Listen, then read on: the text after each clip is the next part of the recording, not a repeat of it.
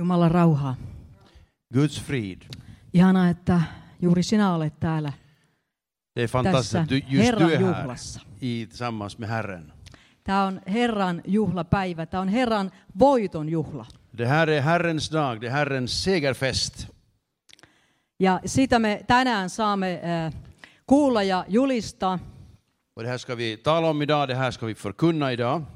Ja Herran voiton juhlan ateriaa me saadaan tänään viettää. Vi ska också fira Herrens segermåltid tillsammans.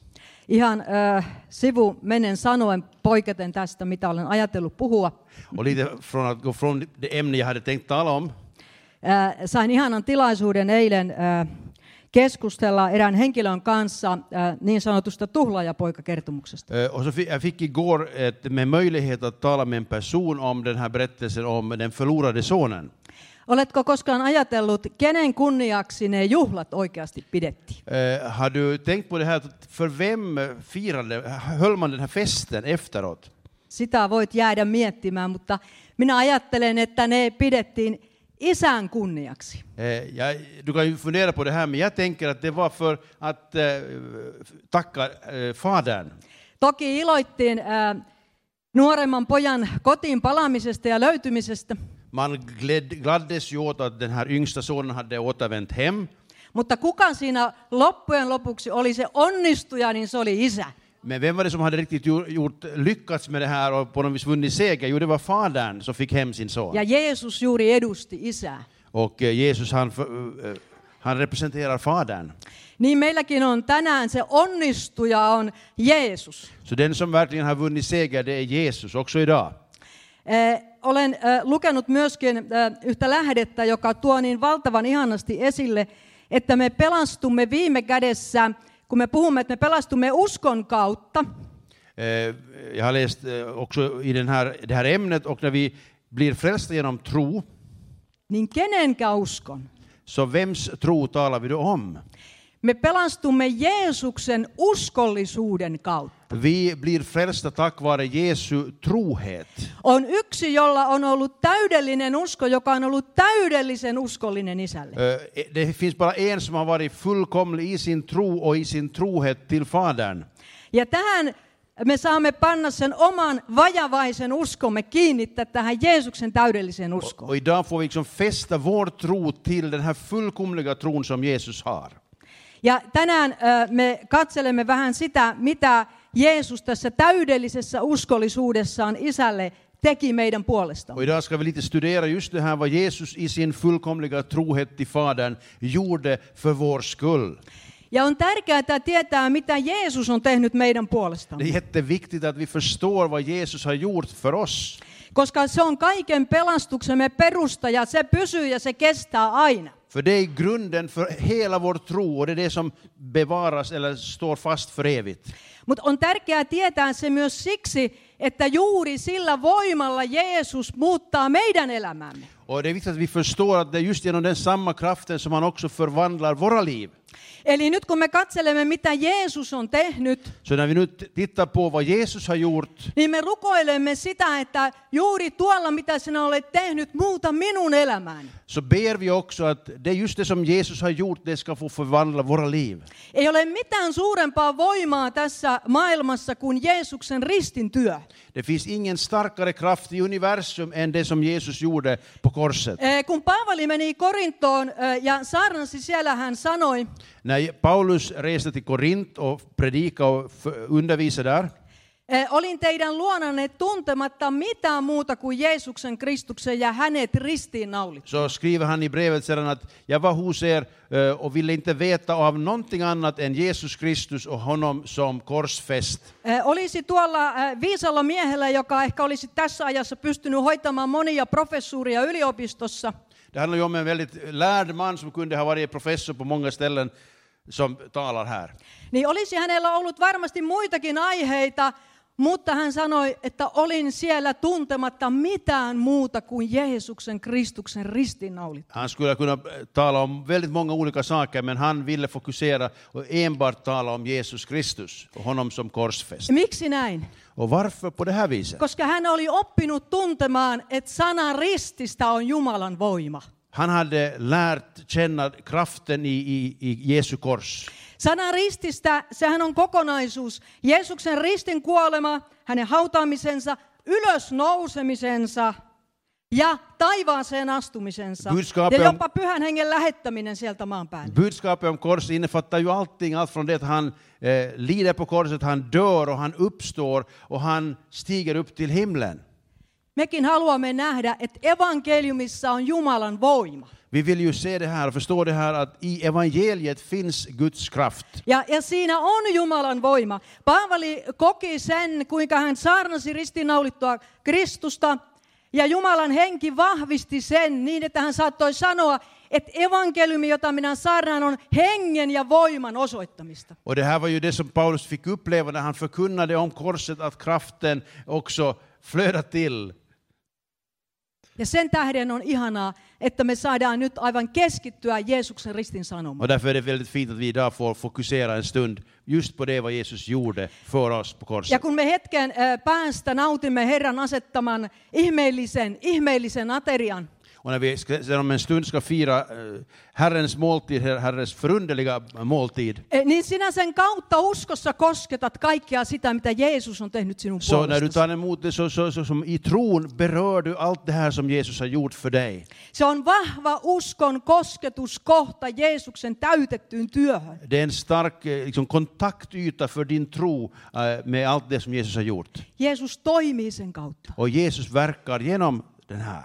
Sinä tiedät, että siellä on äh, happamatonta leipää ja, ja viiniä tai rypäle mehua, Här finns alltså druvsaft och bröd, mutta täällä on Jeesus läsnä olevana tässä. men också att Jesus är närvarande i firande av hans måltid. Eh, Otan vielä Paavalin opetuksesta yhden näkökulman. Så titta på en sak som Paulus eh, berättar i er kring det här. Juurtuminen ristiin naulittuun Jeesuksen on myöskin vastalääke kaikkia harhaoppeja vastaan. Att riktigt eh, grunda sig i, i den här undervisningen om korsets betydelse eh, eh, hjälper eller skyddar oss också mot olika villolärar. Kun Paavali kirjoittaa galattalaisille, niin hän äh, kolmannen luvun alussa sanoi näin, että te mielettömät galattalaiset, kuka on lumonnut teidät, joiden silmien eteen Jeesus Kristus oli kuvattu ristiinnaulittuna? Så säger han då till galatierna i kapitel 3, vers 1. Ni dåraktiga galater, vem har förhäxat er? Ni som har fått Jesus Kristus framställd för era ögon som korsfäst. Galattalaiset olivat menneet semmoiseen legalismiin, koska he olivat, niin kuin juuri Eeva sanoi, että voi tulla semmoinen kaihi, että ei pysy siinä, mikä on uskon ydin. Paavali oli kuvannut Jeesuksen ristiinnaulittuna. Eh, De här galaterna de hade eh, liksom halkat in i en slags eh, legalism där de så att säga hade förlorat synen på, på Kristus som korsfäst. Tänä aikana voi olla monta, monta, monta muuta harhaa. Och i dagens värld så finns det väldigt många olika eh, läror och villoläror. Mutta jos silmät ovat kiinnitettynä meidän uskon alkajan ja täydeksi tekijän, niin me vältymme niiltä harhapoluilta. Men om våra ögon är fästa på honom som är vår tros upphov och fullkomnare så då behöver vi inte bli vilseledda av villoläror. Oikeastaan niille ajatuksille mä olen antanut tänään otsikon Jeesuksen ristintyön siunaus. Och eh, rubriken för dagens undervisning så det är eh, väl- välsignelse som finns i Jesu korsdöd eller eh, arv- verk på korset. Nils Gustav on puhunut ihanasti sekä meille torstai-iltana että viimeisessä kesäillassa Jumalan armosta. Eh, Nils Gustav han har undervisat under sommaren på, på torsdagskvällarna om eh, Guds nåd. Mihin Jumalan armo perustuu? Vad är det som Guds nåd grundar sig på? Se perustuu Jeesuksen Kristukseen ristiinnaulittuna. Och det grundar sig just på det som Jesus gjorde på korset. Ja sen tähden me nyt katsellaan, mitä se merkitsee. Och därför ska vi studera det här lite närmare. Eh, Toinen korintolaiskirje 5.21 sanoo näin. Andra Korinthierbrevet 5 och 11. Kristukseen, joka oli puhdas synnistä, Jumala siirsi kaikki meidän syntimme jotta me hänessä saisimme Jumalan vanhurskauden. 5 och 21, andra Korinthierbrevet 5 och 21. Den som inte visste av synd, honom har Gud i vårt ställe gjort till synd för att vi i honom skulle stå rättfärdiga inför Gud. Ajattele tätä. Tänk lite efter på det här. Kristukseen, joka oli täysin puhdas synnistä, Kristus som var helt fri från synd, hän Jumala siirsi kaikki meidän syntimme. Gud han flyttade över all vår synd på honom. Hänet tehtiin synniksi. Han blev gjord till synd. Hänet tehtiin synniksi meidän edestämme, Han blev gjord till synd för vår skull. että me saisimme Jumalan vanhurskauden. För att vi i honom skulle stå rättfärdiga inför Gud. Ajattele sitä muutosta. Tänk vilken förändring. Luetaanpa samasta aiheesta vielä ensimmäinen Pietarin kirja 2.24. Första Pet- Petrusbrevet eh, 2 och eh, 24. Hän itse kantoi meidän syntimme ruumiissansa ristin puuhun, että me synneistä pois kuolleina eläisimme vanhurskaudelle, ja hänen haavainsa kautta te olette parannetut. Och våra synder bar han i sin kropp upp på korsets trä för att vi skulle dö bort från synderna och leva för rättfärdigheten. Och genom hans sår har ni blivit botade. Hän kantoi meidän syntimme ristinpuulle. Han bar våra synder i sin kropp upp på korsets trä. Äh, Luin juuri, että, juuri, että esimerkiksi arabian kielessä niin sana kantaa ja karitsa on aivan sama sana. Eh, Och jag läste just här att i, i arabiskan så, så är ordet bära och, och eh, f- vad är karitsan igen? Kal, vad heter det? La- La, lam, ja. Lam. Bära och lam är samma ord. Johannes Kastaja julisti nähdessään Jeesuksen, että katso Jumalan karitsa, joka ottaa pois maailman Och synnin. Johannes han förkunnar ju om Jesus att se Guds lam som bär världens synd. Ajatelkaa, joka ottaa pois maailman synnin. Som tar bort världens synd. Tällä on pitkä ulottuvaisuus. Tulee aika vielä, jolloin ei ole syntiä enää maailmassa. Ja Det kommer ännu en tid när det inte finns någon synd längre i världen. Se on tulossa. Det är på kommande. Mutta nyt on aika, jolloin Jumalan valtakunnassa olevista Jumala äh, haluaa karsia pois synnin. Men i- nu lever vi i Guds rike där, där Guds lam tar, bär bort synden. Että he eläisivät Jumalan vanhurskaudelle. Så att vi ska kunna få leva för rättfärdigheten. Ja muista tämä, sillä mitä Jeesus on tehnyt, hän vaikuttaa meissä, että se tulisi ilmi meissä. Och det som Jesus gjorde, det låter han också verka i oss så att det ska bli allt tydligare i våra liv. Se ei ole meidän ponnistelumme sinänsä, ainoastaan meidän valintamme. Det är inte på våra ansträngningar det beror, utan på att vi väljer honom. Eh, Kiitos Eevalle, joka lukikin jo Jesajan 53. Mä toivoin, että hän lukisi sitä, mutta ei ollut puhetta. Tack för eh, att Eva läste från Jesaja 52 och 53. Siellä me nähdään, että Jeesusta rangaistiin, että meillä olisi rauha. Där så läste vi om att Jesus blev eh, straffad för att vi skulle få ha frid. Hänet tuomittiin, ettei meitä tuomittaisi. Han blev dömd för att, inte, för att vi inte skulle bli dömda. Tähän haluaisin melkein eh, lisätä. Hänet tuomittiin, ettei meitä tuomittaisi ja että mekään emme tuomitsisi. Och jag skulle vilja liksom lägga till det här att han blev dömd för att vi inte skulle bli dömda och för att vi inte skulle döma i vår tur. Ymmärrämmekö me, että kun meidät on vapautettu täysin synnin rangaistustuomiosta Jeesuksen kautta, niin se ilmentää tätä hänen rakkauttaan, että meissä ei ole tuomiohenkeä, arvostelun henkeä ja kaikkea sellaista. När vi har blivit helt eh, befriade från domen så, så syns det också genom att vi inte eh, ger do- domen vidare. Vaan vi har meistä, den, den andan av meistä dom. huokuisi Jumalan armo ja Jumalan rakkaus. Utan att istället från oss skulle kunna liksom strömma Guds nåd och Guds eh, frid. Ja sitten Galattalaiskirje 3.13. Eh, För Galaterbrevet 3 och 13. Kristus on lunastanut meidät lain kirouksesta, kun hän tuli kiroukseksi meidän edestämme. Sillä kirjoitettu on, kirottu on jokainen, joka on puuhun ripustettu. Kristus friköpte oss från lagens förbannelse när han blev en förbannelse i vårt ställe. Det står skrivet förbannade var och en som är upphängd på trä. Tähän haluaisin vähän pysähtyä enemmän. Jag ville stanna till inför det här, den här texten. Ajattele, Jeesus tuli kiroukseksi, että meidät siunattaisiin. Tänk på det här att Jesus blev en förbannelse i vårt ställe för att vi skulle bli välsignade. Hän tuli kiroukseksi meidän edestämme. Ja sanotaan, kirottu on jokainen, joka on puuhun ripustettu. För det står här att den som blir upphängd på trä är förbannad.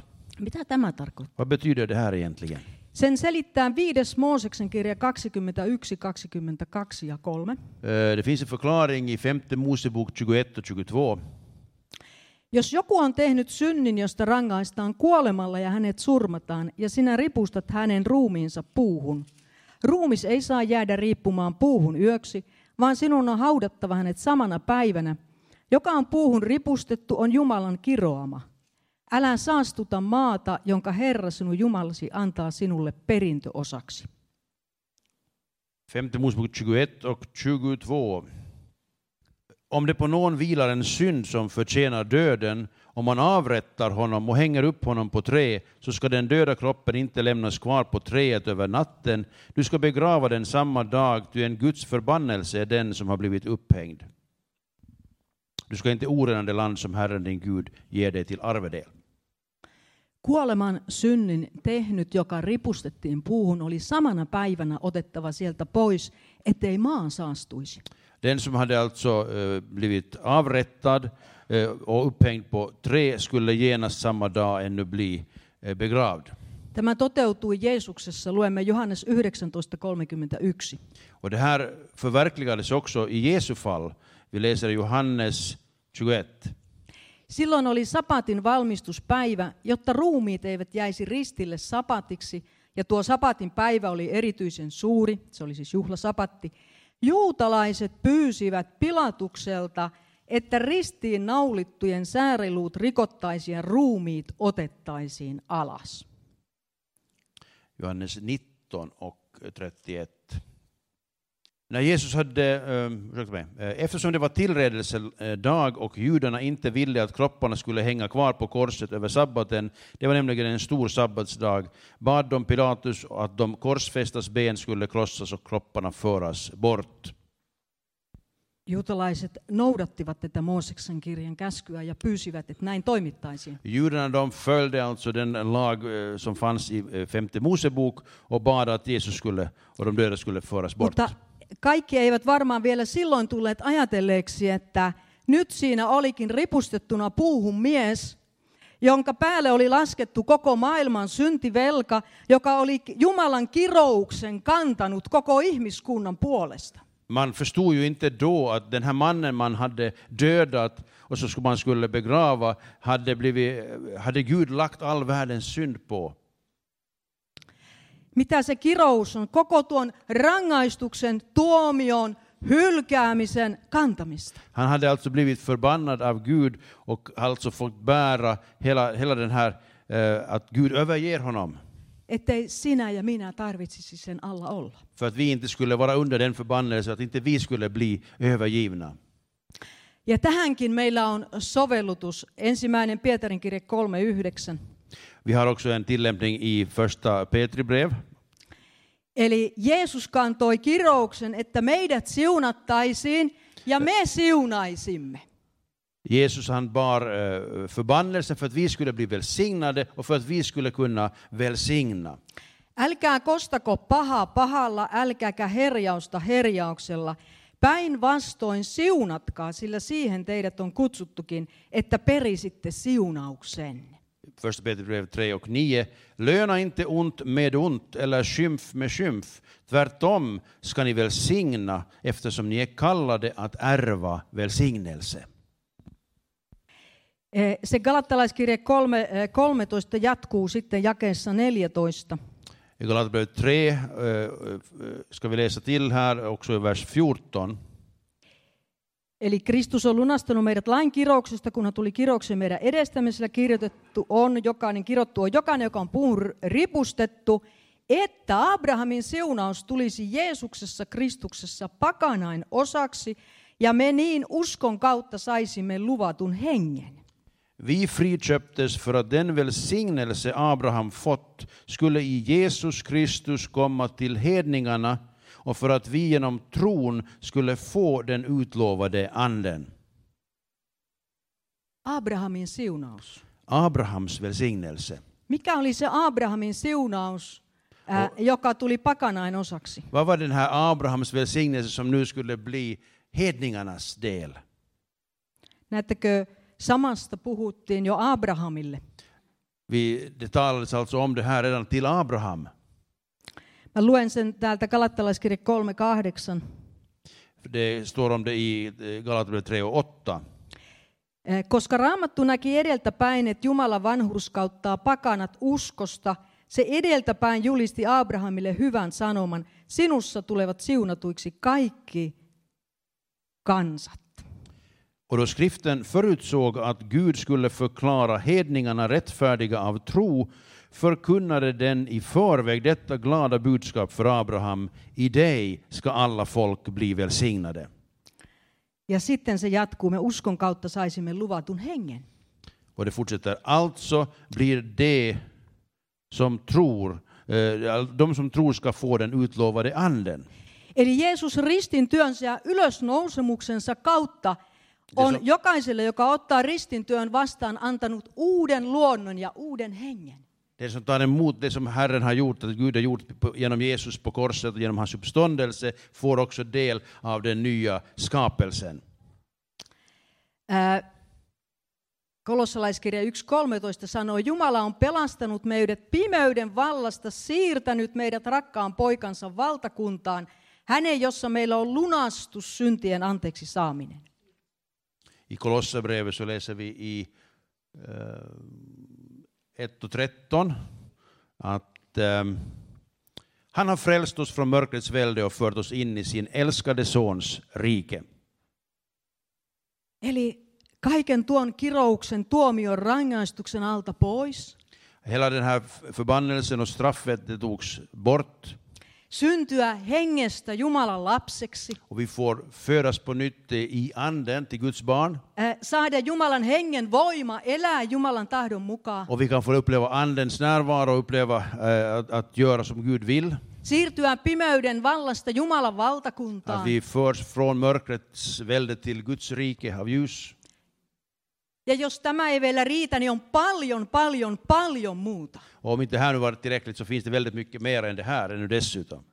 Voimme sanoa, että Jeesus kuoli, että me eläisimme ikuisesti. Eh, Vi kan säga så att Je- Jesus dog för att vi ska kunna leva för evigt.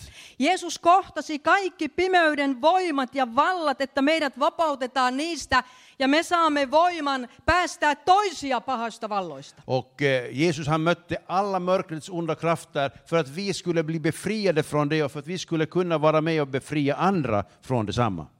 Ja Jesajasta jo äh, Eeva lukikin, että hän kantoi sairautemme, että me tulisimme parannettua. Och Eva läste från Jesaja om att han bar våra synder för att vi skulle bli helade.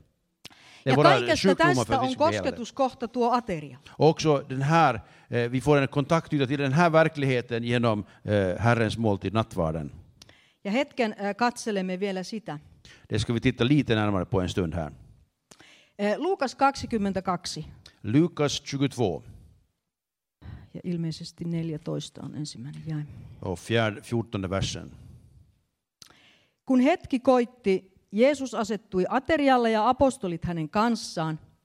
Hän sanoi heille, minä olen hartaasti halunnut syödä kanssanne tämän pääsiäisaterian ennen kärsimystäni. Sillä minä sanon teille, enää en syö pääsiäisateriaa ennen kuin se saa täyttymyksensä Jumalan valtakunnassa. När stunden var inne la han sig till bords och apostlarna tillsammans med honom. Och han sa till dem, jag har längtat mycket efter att äta detta påskalamm med er innan mitt lidande börjar. Ty jag säger er att jag kommer inte att äta det förrän jag, det får sin fullbordan i Guds rike. Kun hetki koitti, När stunden var inne, voisi sanoa, että se oli koko tässä maailman kaikkeudessa käännekohta tuo Det hetki. här är en vändpunkt i hela universums historia. Siksi Jeesus sanoo, vanha käännös sanoo, että minä halajamalla halannut olen syödä teidän kanssanne tämän aterian. Han säger att jag har längtat mycket efter att få äta det här med er. Ja sittenhän se oli pääsiäisateria, joka oli asetettu ähm, ehkä semmoinen 1600 vuotta aiemmin.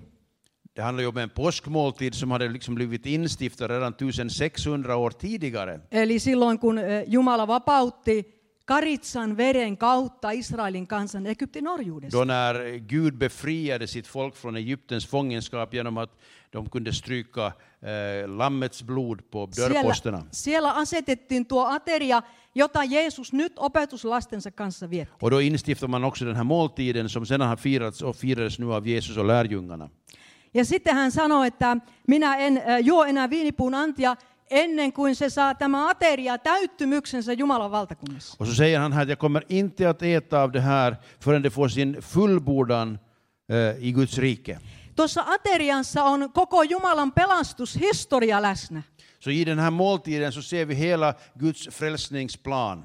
Siinä on se valtava Jumalan suojeleva voima edelleen läsnä, mikä oli silloin, kun Israelin kansa vaka vapautettiin Egyptistä. Här möter vi Guds eh, makt att bevara och försvara, precis som blodet i Gamla Ja testamentet då kaikki se, miten hän johdatti, kulje, kuljetti, varjeli Israelin kansaa. Och hur han bevarar folket genom deras vandring i öknen.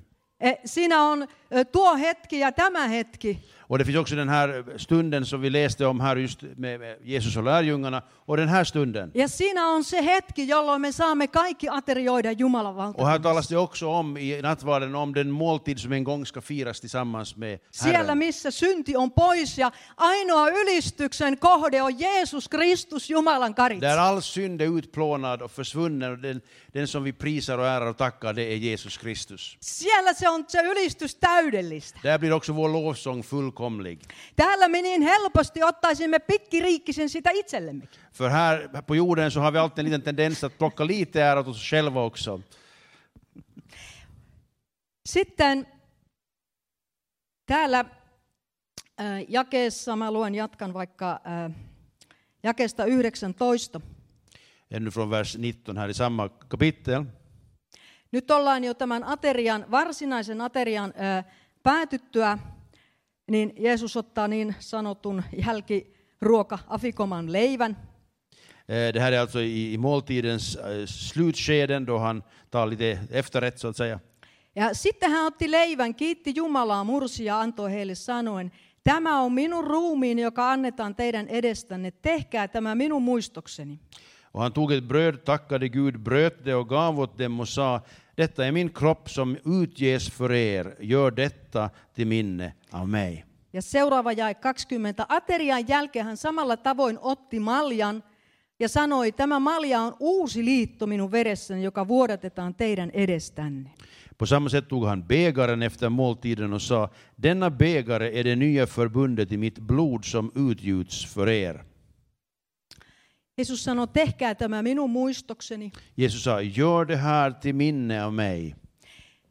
Eh, Kun Jeesus eh, jo Israelin kansan käski viettää pääsiäistä aina säännöllisesti vuosittain, Eh, Israels folk de hade ju fått befallning att fira påskmåltid varje år että he muistaisivat Jumalan suuret teot. för att de skulle komma ihåg Guds stora gärningar för dem. Nyt meillä on ehtoollinen, että me muistaisimme Jumalan suuret teot. Och nu firar vi nattvard, Herrens måltid, för att vi skulle komma ihåg bli påminda om vad Jesus har gjort för oss. Ja että me eläisimme sen voimasta. Och att vi skulle leva i dess kraft. Ja tässä on, se on, uu- tämä malja on uusi liitto minun veressäni, joka vuodetaan teidän edestänne. Denna bägare är det nya förbundet i mitt blod som utgjuts för er. On kysymys liiton ateriasta. Det handlar om ett för, en förbundsmåltid. Se on jo aihe sinänsä opetettavaksi. Det är ett stort ämne som man borde undervisa för om helt separat. Eh, Luen vielä ensimmäinen korintolaiskirja 10, 16 ja 17. Vi ska läsa först Korinthierbrevet 11 och 16. Eikö siunauksen malja, jonka me siunaamme, ole osallisuus Kristuksen vereen? Välsignelsens bägare som vi välsignar är den inte gemenskap med Kristi blod. Kun kysymyksessä oli pääsiäisateria, Det handlar alltså om en påskmåltid niin siinä on tuo ö, tietty järjestys, ö, kutsutaan seder-ateriaksi. och det, är ju, det kallas då en sedermåltid och där har man en viss ordning hur man gör de här olika sakerna.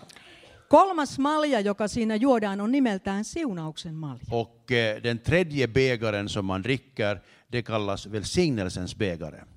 Hän tuli kiroutuksi, että me saisimme siunauksen. Han blev förbannad för att vi skulle få uppleva välsignelse.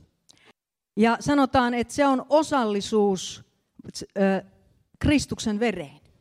Och den, den här bägaren som vi välsignar, är den i gemenskap med Kristi blod.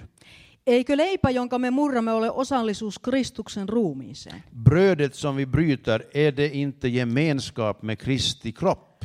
Koska leipä on yksi, niin me monet olemme yksi ruumis, sillä me kaikki olemme osallisia tuosta yhdestä leivästä. Eftersom det är ett bröd är vi som är många en kropp, ty alla får vi vår del av detta enda bröd. Tuo ateria julistaa meille yhteyttä. Den här måltiden den förkunnar för oss om gemenskapen. Ainoa yhteyden tie taivaalliseen isään on Jeesuksen ristintyö. Den enda möjligheten, enda vägen in i gemenskap med Gud, det är genom det som Jesus gjorde för oss på korset. Mutta se julistaa myöskin äh, Kristuksen ruumiin yhteyttä. Men det här förkunnar också om gemenskapen inom kroppen i Guds kropp, Jeesus Kristi kropp. Ne, jotka ovat yhdestä uhrista osallisia, niiden tulee olla yhtä.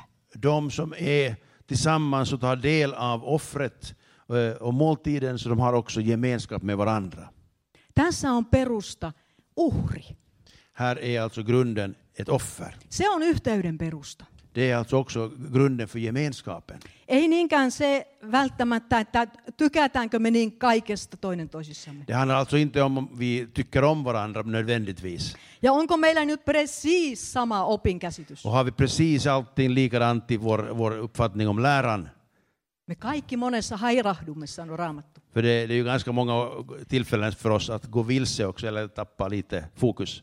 Mutta ilman uhria ei ole anteeksi antamusta. Men utan offer så finns det ingen förlåtelse. Ilman uhria ei ole Jumalan lapseutta. Och utan offer så finns det inget barnaskap hos Gud. Ydinsanoma on, että tästä uhrista täytyy tulla osalliseksi. Och grundbudskapet i evangeliet är då att vi behöver bli, bli delaktiga i det här offret. Koska siinä on sovitus, siinä on anteeksi antamus, siinä on voima siirtää förlåtelse pimeydestä Jumalan och valtaan. kraft att befria oss från mörkrets välde. Nyt näette, että meillä on varmasti tulevina ehtoolliskokouksina paljon opetusaiheita. Nu förstår ni att det finns mycket att undervisa kring det här ämnet under kommande nattvardsgudstjänster. Mutta nyt tällä kertaa jätetään tähän. Men vi ska nöja oss med den här biten idag. Ja me käymme äh, nyt osallistumaan tähän Jeesuksen asettamaan ateriaan. Och nu ska vi alltså ta del av den här måltiden som Jesus har förberett för oss.